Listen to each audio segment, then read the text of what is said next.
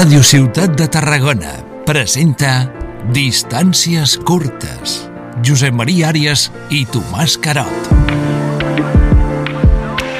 Benvinguts i benvingudes. Obrim un temps de conversa de distàncies curtes a Ràdio Ciutat de Tarragona. 45 minuts per xerrar, sense urgències. I avui hem triat per fer-ho sobre entitats socioculturals, sobre aquest teixit que alguns anomenen societat civil, com si tota la ciutadania no en fos de, de civil. Són coses dels formalismes, potser també dels eufemismes. Avui coneixerem què es fa i què fa l'entitat El Círcul de Reus de la mà de la seva presidenta Patrícia Tarradellas. Per cert, la primera presidenta d'una entitat que aviat complirà 172 anys. Hola Patrícia, com estàs? Aviat complirà 175 anys. 175, doncs mira. Ja, Vam fer el 170 fa dos anys. El Círcul és una societat cultural recreativa que treballa pel desenvolupament de la vida política, cultural, comercial, també artística de la ciutat. Jo hi afegeixo però que també està oberta a la resta de municipis de, de, del Camp de Tarragona. Jo no sé si comparteixes aquesta definició de l'entitat que presideixes. Sí, completament. Uh, crec que el Círcul ha sigut des dels seus inicis un referent en aquests àmbits cultural, empresarial, eh, i a més com a pol d'aglutinació de tot el que seria Reus i la seva àrea d'influència. El sol fet de tenir el Teatre Fortuny com a propietat del Círcul, ni que ara el, el gestioni un consorci format per l'Ajuntament i la Diputació, fa que sigui un pol d'atracció cultural. I el Círcul eh, n'està orgullós, a més d'aquest paper que representa. I com s'aconsegueix dirigir una orquestra? Perquè això no és un conjunt, és una orquestra amb molts instruments. Afinar, que cal afinar... Bueno, amb molt de temps, o sigui, s'aconsegueix amb molt de temps i amb un equip al darrere que diversificat on cadascú toca una tecla diferent, no? Vull dir, realment és el que tu dius, és una orquestra. Llavors eh, tenim una junta amb perfils professionals diferents, està muntada quasi bé com, un, com una organització empresarial perquè cadascú se n'encarrega d'un àmbit. I aquí el que es tracta és de tindre uns objectius comuns, intentar treballar per aquests objectius comuns en els diferents àmbits que conformen l'entitat. La Patricia Tardellas és llicenciada en Filosofia i Ciències de l'Educació, ha estat també professora associada de la Universitat Rovira i Virgili. Com a conseqüència, ens explicava abans de la seva més feina en la presidència del Círculo, ho va deixar, però professionalment també és inspectora d'Educació de, del Departament d'Ensenyament de la Generalitat. Et queden temps i ganes per poder dirigir el Círcul? Ganes moltes. El temps es busca, no? Quan una cosa et fa il·lusió, el temps el busques. Um, suposo que si la presidència del Círcul m'hagués arribat doncs, fa 30 anys, no hagués tingut temps. Però ara ja quan estàs al final de la teva carrera i pots escollir una mica, doncs he pogut escollir deixar la universitat, que tot i que era una cosa que m'agradava moltíssim, vull també ja hi feia com un... i tenia una relació, diguem-ne, més, més simbòlica que no pas real, i llavors puc dedicar més temps al círcul. De ser la primera dona que dirigeix eh, aquesta entitat, eh, en què, en què s'ha trobat la Patrícia? És a dir, que s'ha trobat després de 70, 170 anys d'història i l'empremta d'una dona sempre és significativa a qualsevol lloc. Eh, quina és fins ara l'empremta de la Patrícia? A veure, amb el que m'he trobat, a mi sempre m'agrada explicar, en aquest sentit, que jo vaig passar a formar part, o sigui, ara sóc la presidenta, però en la legislatura anterior vaig passar a formar part de la junta directiva. En aquell moment mai en tota la història hi havia hagut una dona dins de la junta directiva. Uh, se'm va proposar estar a la junta, uh, vaig dir que sí, i en aquell moment una mica l'estructura del círcul es va bellugar, no? Els socis es van sorprendre, uh, una dona a la junta del círcul, i inclús, vull dir, la, com una, com una responsabilitat afegida per ser dona, no? Se m'atensaven dones, sòcies o esposes de socis i em deien, bueno, escolta, ho has de fer bé, eh? Ens has de fer quedar bé amb aquella cosa de que ens has de fer quedar bé. Com si ells no haguessin de, o si nosaltres no ho haguéssim de fer bé. És que jo els hi vaig comentar als meus companys, a vosaltres la gent us ho diu que ho heu de fer bé, a cap company meu de junta ningú li havia dit ho has de fer bé. I en canvi a mi senyores, eh? se m'adreçaven les senyores, no, els senyors me deien, escolta, ara no ens facis quedar malament ara que has arribat aquí, no? I llavors sí que hi va haver tota com una sacsejada. La veritat és que mm, quan es va acabar la legislatura en la que jo era vocal de Junta i vaig optar a la presidència, ningú es va sorprendre tothom ho va trobar com un pas natural. O sigui que la veritable sacsejada va ser a l'entrar a la Junta, no pas a l'agafar la presidència. I em preguntaves... Uh, per l'empremta que de moment en aquests Ah, jo crec que l'empremta femenina es nota. Es nota. Mira, el, el nostre lema de campanya va ser omplim el círcul de llum i de vida. I la llum era perquè jo sempre havia pensat, com a soci al círcul, que allò era un espai fosc. Vull dir, quan tu entraves al vestíbul del, del diguem-ne, per anar al Teatre Fortuny, no? Estava tot negre, amb una fusta fosca, després pujaves l'escala, que també era com una mica fosca, i arribaves al círcul, i hi havia uh, una porta, que qui hagi visitat potser recordarà, tota alta i tapissada, tota com a negra, era una cosa així com una mica tètrica, havies de trucar un timbre. I omplir de llum, jo penso que és una cosa com molt femenina, no? Quan ara estem a les cases, el, som d'obrir finestres, de que ens, ens entri la llum, de tenir energia, diguem-ne, des de la part de fora, i l'empremta femenina jo penso que és amb la decoració, amb la llum, amb aquesta forma que hem donat d'obrir-nos en fora. Has hagut de fer dissabte eh, al Círcul? Ho dic perquè, clar, és una entitat que va néixer a meitats del segle XIX, i la 1852. L'estructura social eh, i el paper d'home-dona era, era un altre, fins i tot en aquella època, als inicis del círcul, les classes més populars de la ciutat parlaven de la societat dels senyors. Eh? No sé si eh, això ha suposat un, un esforç afegit per introduir un cert canvi cultural o accelerar la transformació de, de l'entitat, no? A veure, eh, dissabte en el sentit de que la meva junta i jo eh, vam tindre clar que el círcul s'havia d'obrir. O sigui, això que us dic, omplim el círcul de llum i de vida, era perquè estava com a tancat i teníem clar que s'havia d'obrir. Volíem un círcul obert a la ciutat, obert a tothom. Òbviament que és un club privat, que hi ha uns socis i que hi ha unes activitats, diguem-ne, que només fan els socis, no? Per exemple, la secció de bridge és una secció molt potent dins del círcul i és una secció que s'ha de ser soci per participar de la secció. Però, més enllà d'aquelles activitats que només es fan pels socis, volíem que Reus, que els ciutadans a Reus, que els ciutadans a la influència, pugessin al círcul i participessin de totes aquelles activitats culturals que ja fèiem i que ara hem incrementat perquè pensem que la cultura ha d'estar a la base de tothom.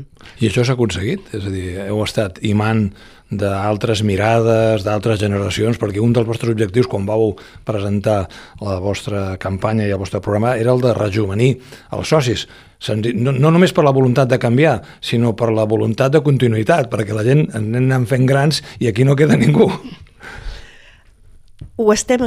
No, seria potser gosarat dir que ho estem aconseguint estem treballant per rejuvenir el círcul, estem, estem baixant l'edat mitja dels socis, l'hem baixat en 20 anys, que, que són molts, però és que partíem d'una edat molt elevada, però sí que és cert que costa que la gent jove s'associï al círcul.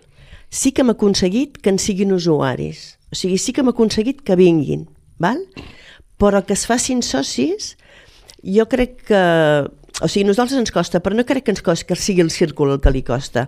Quan parlo amb presidents d'altres entitats, també manifesten el mateix neguit. La gent jove no s'associa a les entitats o li costa associar-se. O si més no, s'associen per un període curt de temps perquè hi ha un servei que els interessa. Llavors s'associen perquè volen gaudir d'aquell servei, però després d'en pic ja no el necessiten, doncs es, eh, es deixen de ser socis, no? Llavors sí que ho estem, estem treballant per aconseguir-ho. Han baixat quasi 20 anys l'edat mitja de socis, que és molt, però és que partíem d'una edat molt elevada. Uh, pot ser un panderi d'enganys del círcul, i ho dic per experiència pròpia, és el restaurant, no? perquè és algo obert a tothom, eh, realment juga un paper així de, de projecció i que pot ser un punt de captació de que la gent s'apropi al círcul, conegui que no és el Club del Senyor, sinó que és una altra realitat. Nosaltres eh, treballem molt, o sigui, la, el restaurant el tenim un, subrogat amb una empresa, val? que és una empresa restauradora, el xef és el Joan Urgellès i el Javi Macarrilla de Cambrils també està dins d'aquesta empresa restauradora. Llavors, eh, nosaltres treballem molt amb ells amb aquesta idea de que eh, han de ser una mica, eh, són un dels, un dels aparadors del círcul.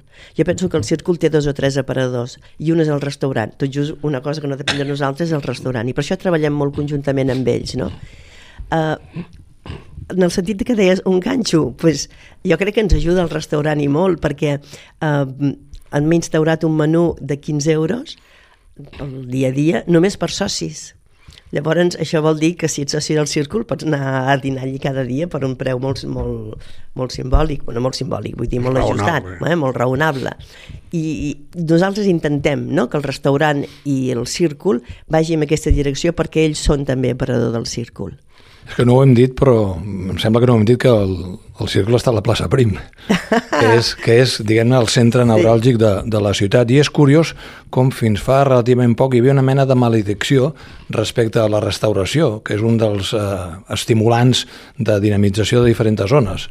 El casino, hi va haver experiències i van acabar finalment amb un menjar ràpid, que ha funcionat, que ha tingut èxit, i, va, i només quedava el círcul, i el círcul va aconseguir també recuperar aquest pol d'atracció que significa la, la, la, la restauració oberta no només als socis, sinó que hi pot entrar qualsevol tothom, ciutadà. Tothom, i a més Uh, consta, em consta que així és, perquè si tu vas al migdia allí doncs trobes molta gent que uh, surt de la feina, va allà, dina, o sigui que el, entre setmana treballen i després els caps de setmana hi ha uns menús amb uns plats exquisits que jo invito tothom a que hi vagi. Eh? I alguna festa també es fa.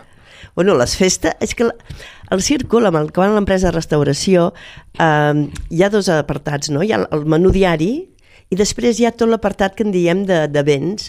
Vull dir, si tu tens una celebració d'un aniversari, d'un bateig, una festa familiar i vols llogar una sala, doncs pots anar allà i fer el teu, la teva festa privada en un dels nostres salons, que són molt bonics.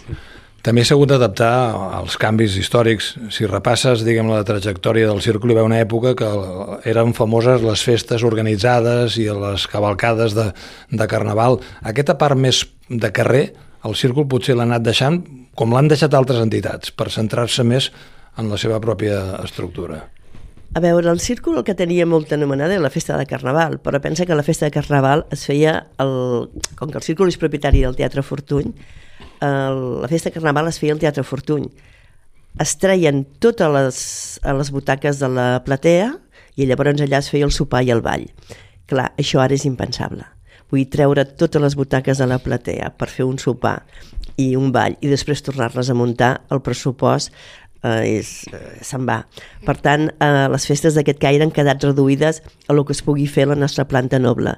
A les festes de cap d'any continuen tenint moltíssim d'èxit, bueno, ara ja començarem a, la, a fer difusió d'aquesta propera, però l'any passat no sé si vam ser quasi 200 o 250 persones, o sigui que la festa de cap d'any sí que continua sent una festa molt lluïda. El Teatre Fortuny és una peça clau. Perdó, també. oberta a tothom, eh? Sí, sí. sí amb alguns hi hem anat alguna vegada. el Teatre Fortuny, eh, amb, amb quin paper està jugant, diguem-ne, en l'hora de dinamitzar el, el círcul i una de les últimes novetats que va estar fa uns mesos, potser algun any, la inauguració de la sala Josep Laporte mm. per tenir un espai de, per fer formats, diguem-ne, una mica petits mm. en comparació a la sí. magnificència de, del Fortuny. Però tot aquest conjunt està retroalimentant, està donant joc al, al círcul o és com un negoci a banda? Uh, una de les nostres, un dels nostres objectius, o sigui, vaig parlant dels objectius de la legislatura, però un dels nostres era generar sinergies amb altres entitats de la ciutat però és que quan vam arribar ens vam donar compte que havíem de generar sinergies amb les entitats de la casa, ja no de la ciutat, sinó de la casa. I un d'ells era el Consorci del Teatre Fortuny. Uh, treballem conjuntament amb alguns actes, amb algunes activitats, millor dit, que hem generat de nou. Hem generat unes activitats que li diem tarda d'òpera, que estan lligades amb les seves òperes, amb les òperes que representen el Teatre Fortuny. Uh, es representen tres òperes al llarg de la temporada del Teatre Fortuny. Doncs bé, el dia que es representa l'òpera, una hora i mitja abans que es representi l'òpera, hi ha una petita conferència, introducció a l'òpera en el Saló Noble del Teatre del Círcul. Allí escoltem el que se'ns explica de l'òpera que després anirem a veure, obert a tothom també, tothom que et compra entrada per anar al Teatre Fortuny pot pujar dalt a escoltar aquesta xerrada i després de la xerrada fem un pan tomaca amb una miqueta d'embotit. Uh, també hi ha un preu molt, molt simbòlic perquè ja puguem entrar a l'òpera amb la panxa una miqueta plena i no se'ns faci tan llarga la representació. Dir, això és una activitat que crec que el fet d'ajuntar no? activitats que fa el Consorci, sumar activitats que fa el Círcul, doncs eh, bueno, ens està donant molt bons resultats. La trajectòria de l'entitat, els eh, gairebé 175 anys, diguem-ho així, no? ha passat de tot. Per exemple, només gairebé constituir-se, el 68 va haver la Revolució la Gloriosa, el 72 la Tercera Guerra Carlina, el 73 la Primera República, bueno, etc., amb el parèntesi, suposo, de la dictadura, no?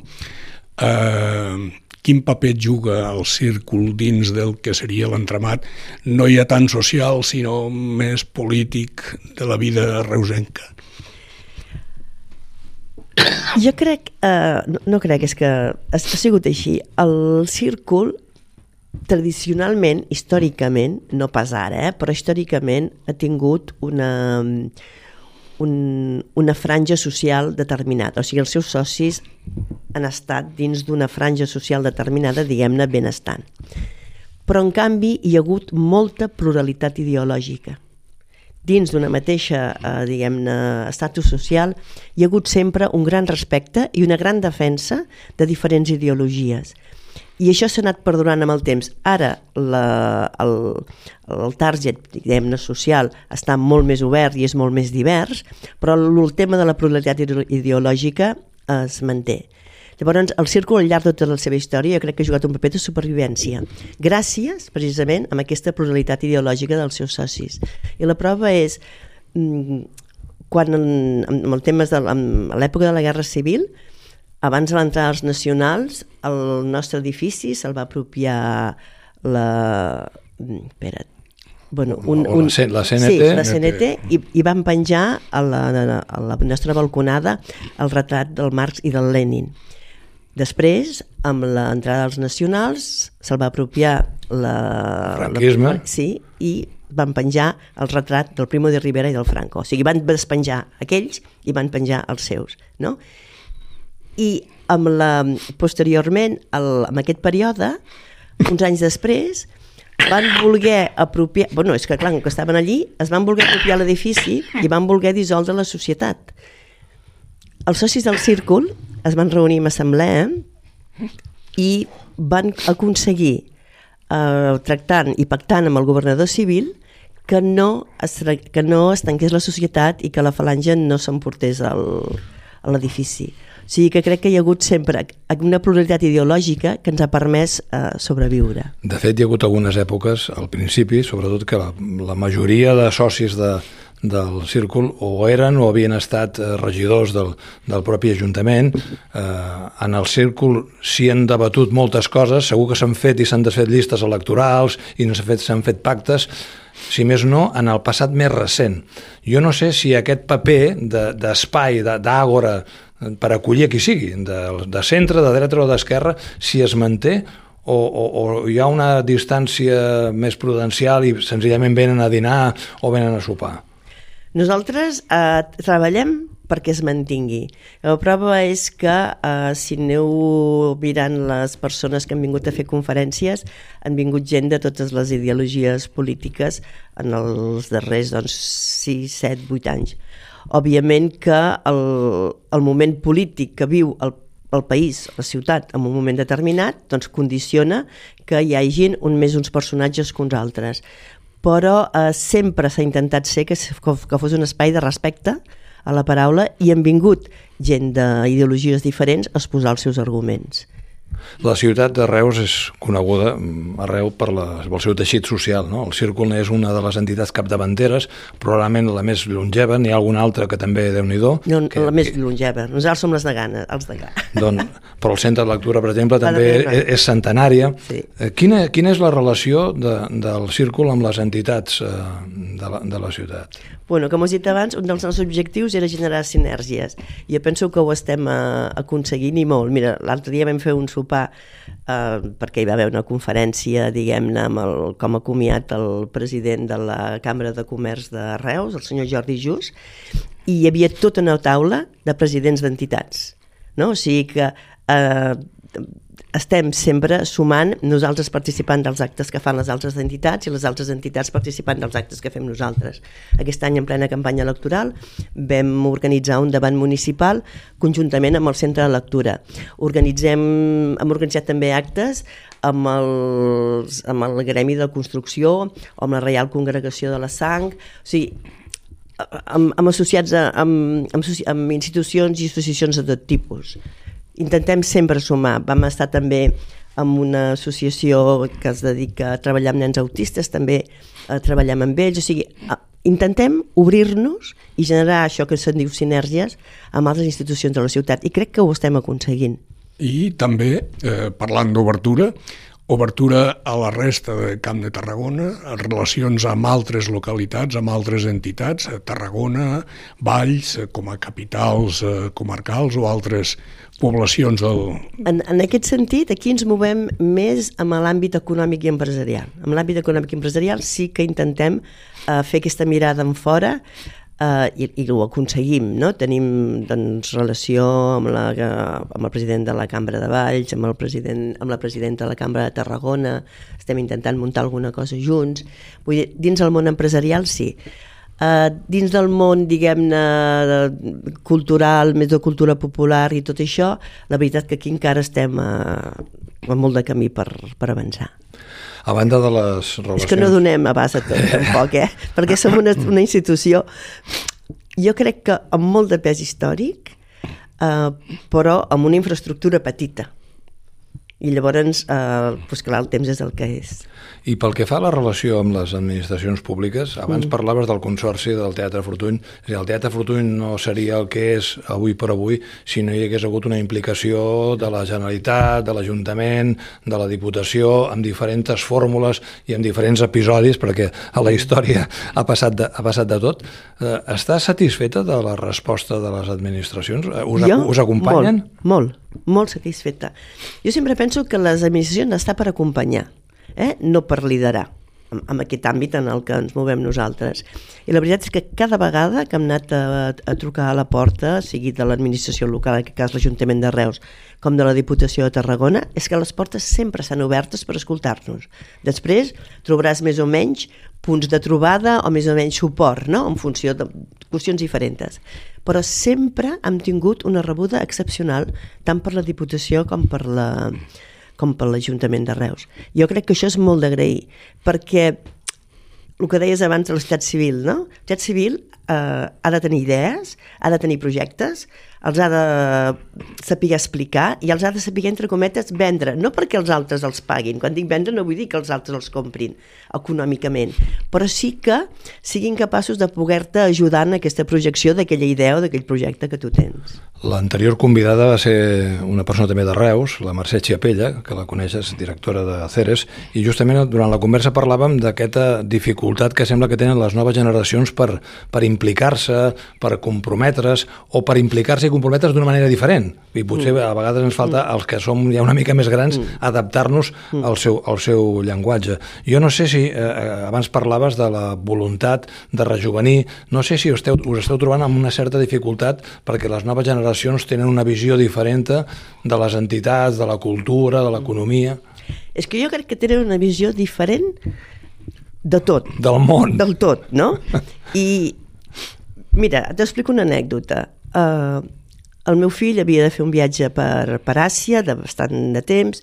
Um, mentre preparava el viatge, una de les coses més importants que va ser preparar la motxilla. Quina motxilla prendré per poder-la carregar al coll i que mi capigui tot el que necessito. I bueno, el tema de la motxilla va ser un tema recurrent, discutit els diumenges a la taula mentre dinàvem, etc.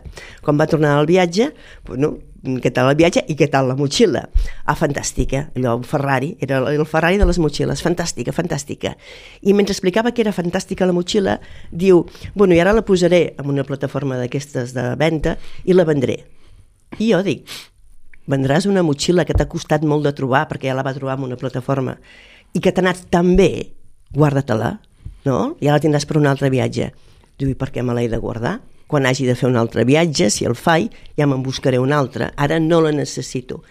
I me va vindre al cap, el meu pare era futbolista i clar, canviava de, de, doncs de, de, de casa i de ciutat doncs cada quan el fitxava un altre equip.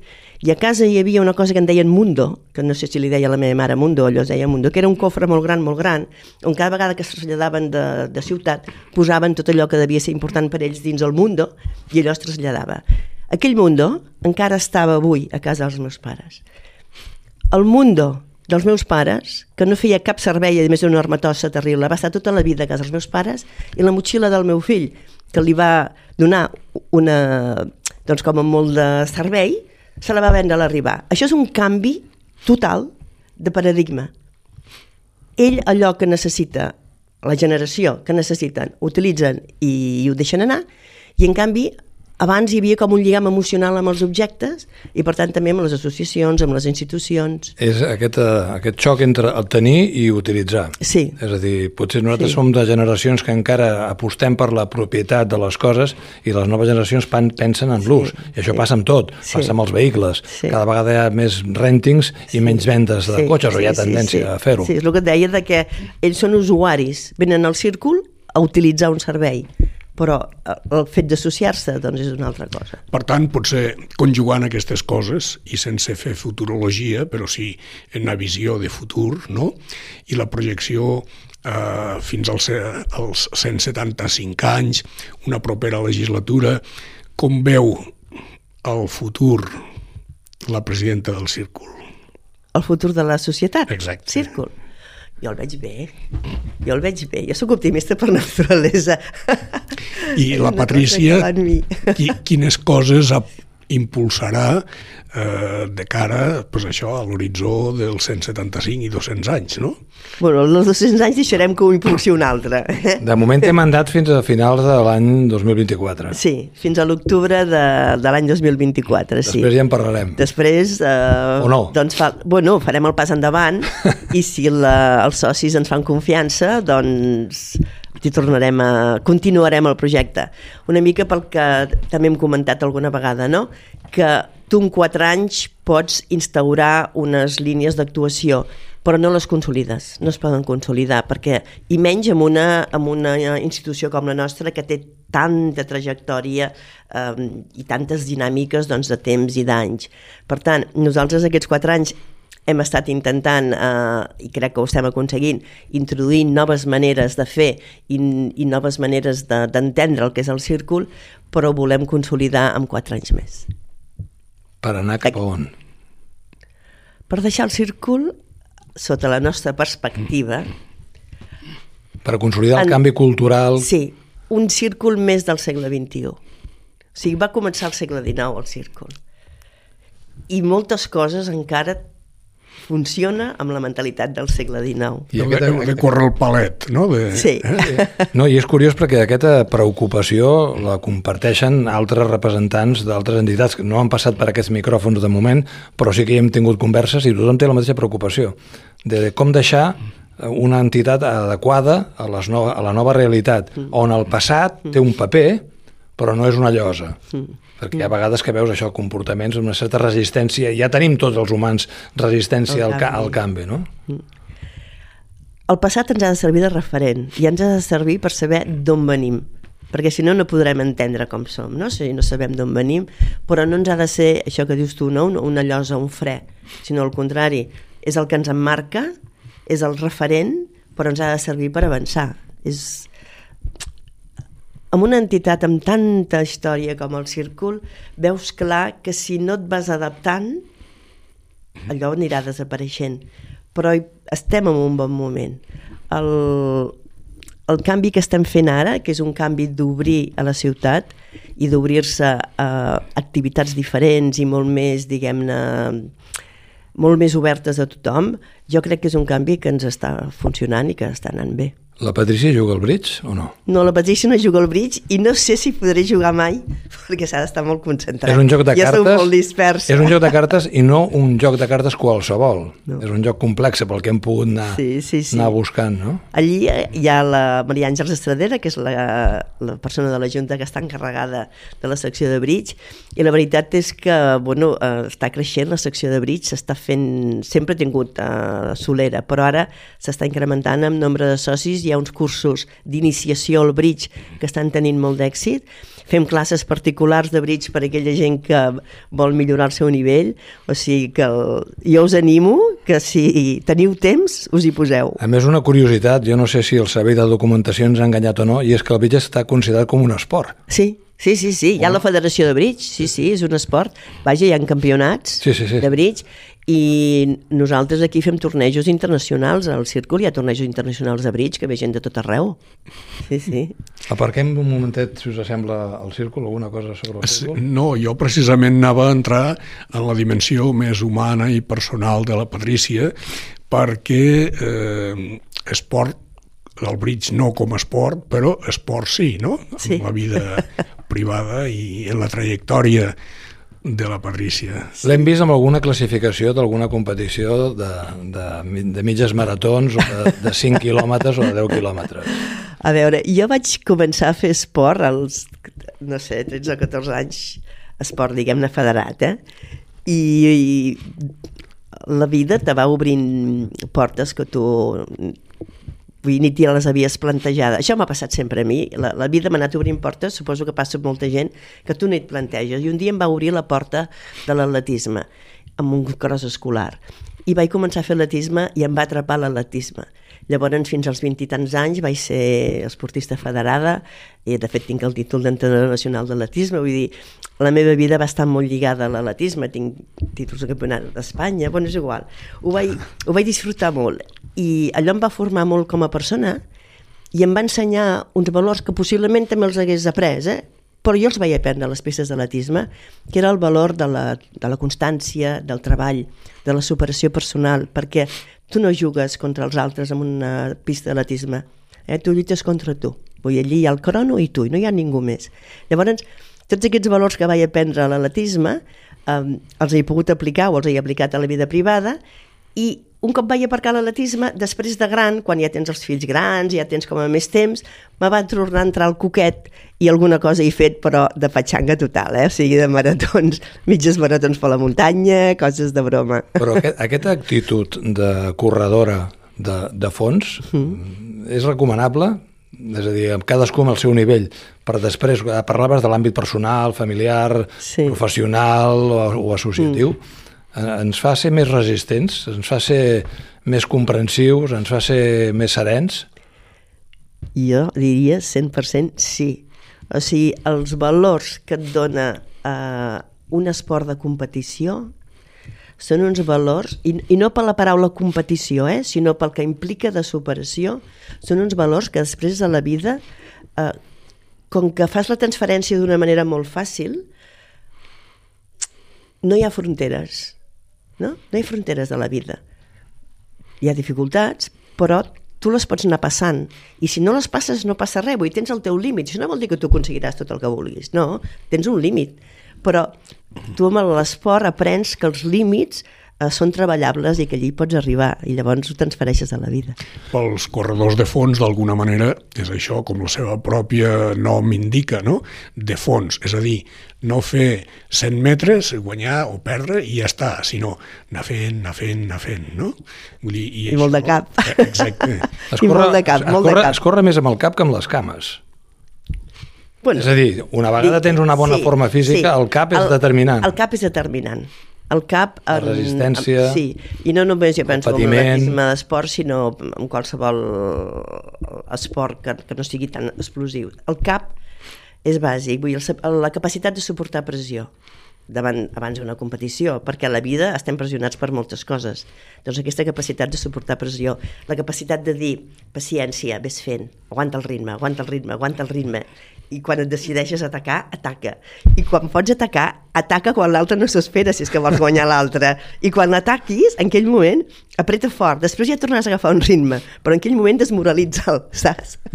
Quan fèiem la presentació dèiem que, a més a més, amb el que es guanya la vida i en la que és professional és amb, la, amb el tema de, de l'ensenyament, concretament és inspectora de- d'ensenyament. No sé com veus el panorama eh, educatiu eh, actual. Un dels últims debats, que el van plantejar també a la, a la, a la Mercè Chiapella, va ser el d'aquesta reacció que hi ha hagut a posar límits a la utilització del mòbil perquè s'està descobrint com una eina distorsionant del procés educatiu, del procés de socialització de, de la nostra canalla. No sé si comparteixes aquesta preocupació i cap a on creus que, que, que haurà d'anar no només l'administració, sinó la comunitat educativa. Sí, jo crec que s'ha de regular l'ús dels dispositius, no només dins de les aules, sinó també en l'entorn familiar. No? O sigui, la... Uh, com que era una eina que no coneixíem, l'hem deixat entrar molt fàcil a les cases, l'hem deixat entrar molt fàcil a les escoles, pensar, veient i mirant tot allò que de bo té aquestes eines. Però la realitat hem vist que és una eina tan potent que si no la regulem ens acabarà perjudicant. Llavors jo penso que dins de les aules i dins dels centres s'ha de regular l'ús dels mòbils i l'ús dels dispositius mòbils, qualsevol tipus de dispositiu, perquè allí el referent ha de ser el mestre, el professor, els companys però físics, no els companys virtuals, perquè companys virtuals ja els tenen a fora, no? si volen. Per tant, s'ha de potenciar aquest referent, diguem-ne, humà que dona, la, la, que dona una comunitat educativa. Serem capaços, però, de, de vèncer les resistències. D'una banda, que la indústria tecnològica és la, és la indústria per excel·lència del segle XXI, és amb, amb molt de poder, amb molta capacitat, una força marketingiana brutal, i després també la nova, les noves generacions eh, de la immediatesa, de les coses ara i ja, un procés en el que la tecnologia juga un paper clau. Serem capaços de trobar el punt d'equilibri, perquè clar, quan parles d'aquest tema sembla que estiguis en contra de les tecnologies, I, i almenys en el nostre cas, en el meu en particular, no és així, no? Hem de ser capaços. O sigui, si ho serem no ho sé, però tenim l'obligació de ser capaços. De la mateixa manera que hem pogut regular doncs jo què sé, temes com de, de la, la llei del tabac, no? que semblava impossible que regular el, el, tot el tema del, del tabac on es fumava i on es deixava de fumar, hem de regular l'ús dels dispositius mòbils perquè ens hi juguem molt. Perquè el que no pot ser, estem veient ara, eh, i això quan vas pels instituts ho veus, un percentatge molt important d'increment de problemes de salut mental jo no dic que estigui relacionat directament amb el mòbil perquè no em compet a mi no, fer aquest estudi i aquesta anàlisi, però sí que el fet d'estar tancat tu, tu mateix, amb el teu aparell i retroalimentar-te... Clar, què, què tenen les xarxes? Que tu entres en una notícia i si entres dues vegades en una notícia similar, la mateixa xarxa et va parlant i et va donant més notícies d'aquelles. Llavors, la teva mirada s'empetiteix, s'empetiteix perquè només veus allò. Llavors, hem de ser capaços de regular-ho, perquè si no jo crec que tindrem molts problemes associats. Jo crec que la complicitat de les famílies és la tercera pota imprescindible no? per a poder dur a terme tot això. Complicitat de les famílies i complicitat de l'administració i també de la part, diguem-ne, com tu deies, d'empreses, de, no? perquè hi ha un màrqueting aquí molt potent al darrere. O sigui, hem, hem d'anar... Quan jo deia hem de ser capaços, és que ens hem de mentalitzar tots no? I posava l'exemple del tabac. Uh, nosaltres, a la, quan jo anava a la facultat, que érem com a cent i pico aquelles aules, tothom fumava. I si estava sentat a l'última fila hi havia un fum espès pel davant. Ara és impensable això. Doncs de la mateixa manera que allò és impensable, hem de ser capaços de trobar el punt mig, de treure'n tot el rendiment positiu dels aparells mòbils i de les noves tecnologies, però minimitzant els riscos que comporten. Abans posaves l'exemple del procés que hem viscut aquests últims anys, que, que ningú es podia imaginar del tabac, de la regulació de, del consum de, de, de tabac. Amb això mm, caldria també que les administracions, i ho deixo damunt de la taula, eh, sí. eh, que les administracions fossin capaces de fer un pas endavant amb dades, amb informes mm. sobre mm. les conseqüències mm. d'un model que no és l'òptim i prendre decisions a vegades impopulars, mm. però que, sí. que finalment redunden en el benefici, de la, mm. en aquest cas, de la comunitat sí. i del futur, perquè clar, volia, no, no, no hem d'oblidar que les escoles no són un aparcament dels nostres fills i les nostres filles, són les noves generacions que un dia o altre seran presidentes de, del círcul, o que seran periodistes, o que seran metges, o que seran paletes, o que seran Sí. Uh, S'estan fent estudis, eh? el que passa que um, els estem mirant així més, amb, diguem-ne, de caire més intern, però jo crec que aviat es faran públics mm, hi ha un increment important, el que us deia, de problemes de salut mental, d'intents de suïcidis, d'autolesions, i que, repeteixo, no tot pot estar... O sigui, l'única causa no serà aquesta, però eh, segur que això hi té un paper important. L'administració ha de ser valenta però les administracions sempre han de ser valentes, perquè hi ha vegades que les mesures que, que es veuen com a positives són mesures impopulars i per por eh, el que dirà la societat, el que dirà el votant, el que diran els sindicats o no, altres lobbies de poder no es prenen aquestes decisions. Jo crec que les administracions han de ser valentes i tinc la sensació que en aquest cas, mm, mica en mica, eh, s'està constatant els riscos que això comporta i mica en mica s'anirà trobant el camí. Torno potser al tema d'abans, de, de la família, perquè, mm. a veure, quan jo era petit, si em castigaven a classe, arribava a casa i dient, però segur que tu mereixies, et castigaré jo.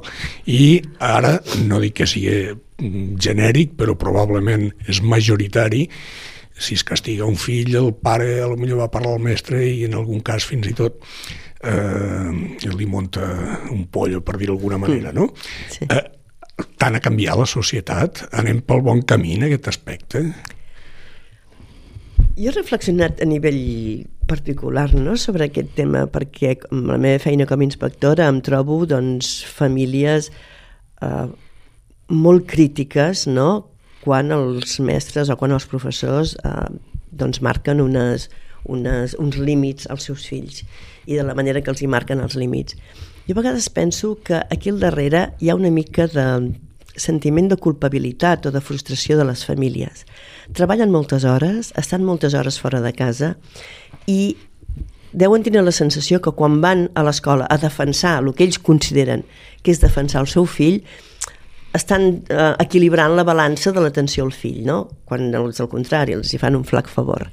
Però eh, sí que aquesta aquest poc temps que poden dedicar les famílies als fills intenten llavors suplir-los amb una defensa externa externa, de portes en fora, del que ells pensen que és la defensa del fill. Això és degut potser que no, no acabem de trobar el model de la conciliació de l'àmbit personal, familiar mm, mm. amb el laboral. Mm. Hi ha hagut avenços, però encara hi ha un mm. substracte mm. en el que, clar, s'ha de treballar perquè si no, mm. no es poden comprar sí. cases o no es poden pagar els lloguers. Sí, sí, la vida sí. està caríssima. Mm. Però trobar aquest punt d'equilibri faria potser que la comunitat fos una comunitat més equilibrada, més responsable, més solidària? Mm segur que sí. Costa trobar el punt d'equilibri, eh? Amb, costa per lo que tu dius, perquè hi ha una, una pressió laboral i econòmica, mm, uns horaris laborals que ho dificulten. De totes maneres, sí que en determinats eh, nivells culturals, jo el que sí que veig és que tot el tema de la, de la conciliació laboral i de la, de la incorporació de la, de la, dels pares, pares masculí, a tot el que és el tema de la criança dels fills està ajudant molt a generar un millor equilibri. Aquestes baixes que ara tenen de manera obligada els pares, jo crec que els consciencia del que representa tenir un fill i que llavors quan se'ls acaba la baixa ja s'han generat unes dinàmiques de cura i d'atenció als fills que fan que es reparteixin molt més les tasques eh, de cura i d'educació dels nanos i mm. que aquest tema de conciliació familiar ja no recaigui només sobre una pota, sinó que vagi recaient sobre les dues una perspectiva esperançadora per acabar i per tancar el cercle, tornant al círcul, eh, avança algun acte emblemàtic dels 175 anys, si n'hi ha algun in mente. Sí que això no en mente, no te'ls puc avançar. Encara no es vol donar l'exclusiva. No, no, no, sí, sí que són en mente. Uh, bueno, n'hi ha un que és ambiciós, però és que està només, només, només no. esbossat, no puc. Bueno, no això puc. vol dir que ja està sobre la taula. I està sobre la taula, sí, sí, està sobre la taula. és un dels motius pels que també volem fer el pas endavant si els socis ens fan confiança doncs en la hem acabat ja aquest recorregut d'aquestes distàncies curtes t'agraïm moltíssim que hagis volgut I a vosaltres. la nostra invitació. Al final això intenta ser una conversa amable sobre qüestions que pensem que són d'interès no només de la convidada sinó de la gent que ens, que ens segueix. I per acabar hem triat música. L'hem triat nosaltres, habitualment ho demanem mm. però en aquest cas no vam tenir la reacció de fer-ho. I hem triat una cançó de Whiskins que no sé és un clàssic que té a veure amb la, te amb la teva ciutat i amb la meva ciutat, no amb la del Tomàs, i la farem servir per acabar i per agrair-te moltíssim que... i esperem que tu hagis passat bé. És una ciutat que m'encanta, sí, que ens podem posar a ballar tranquil·lament.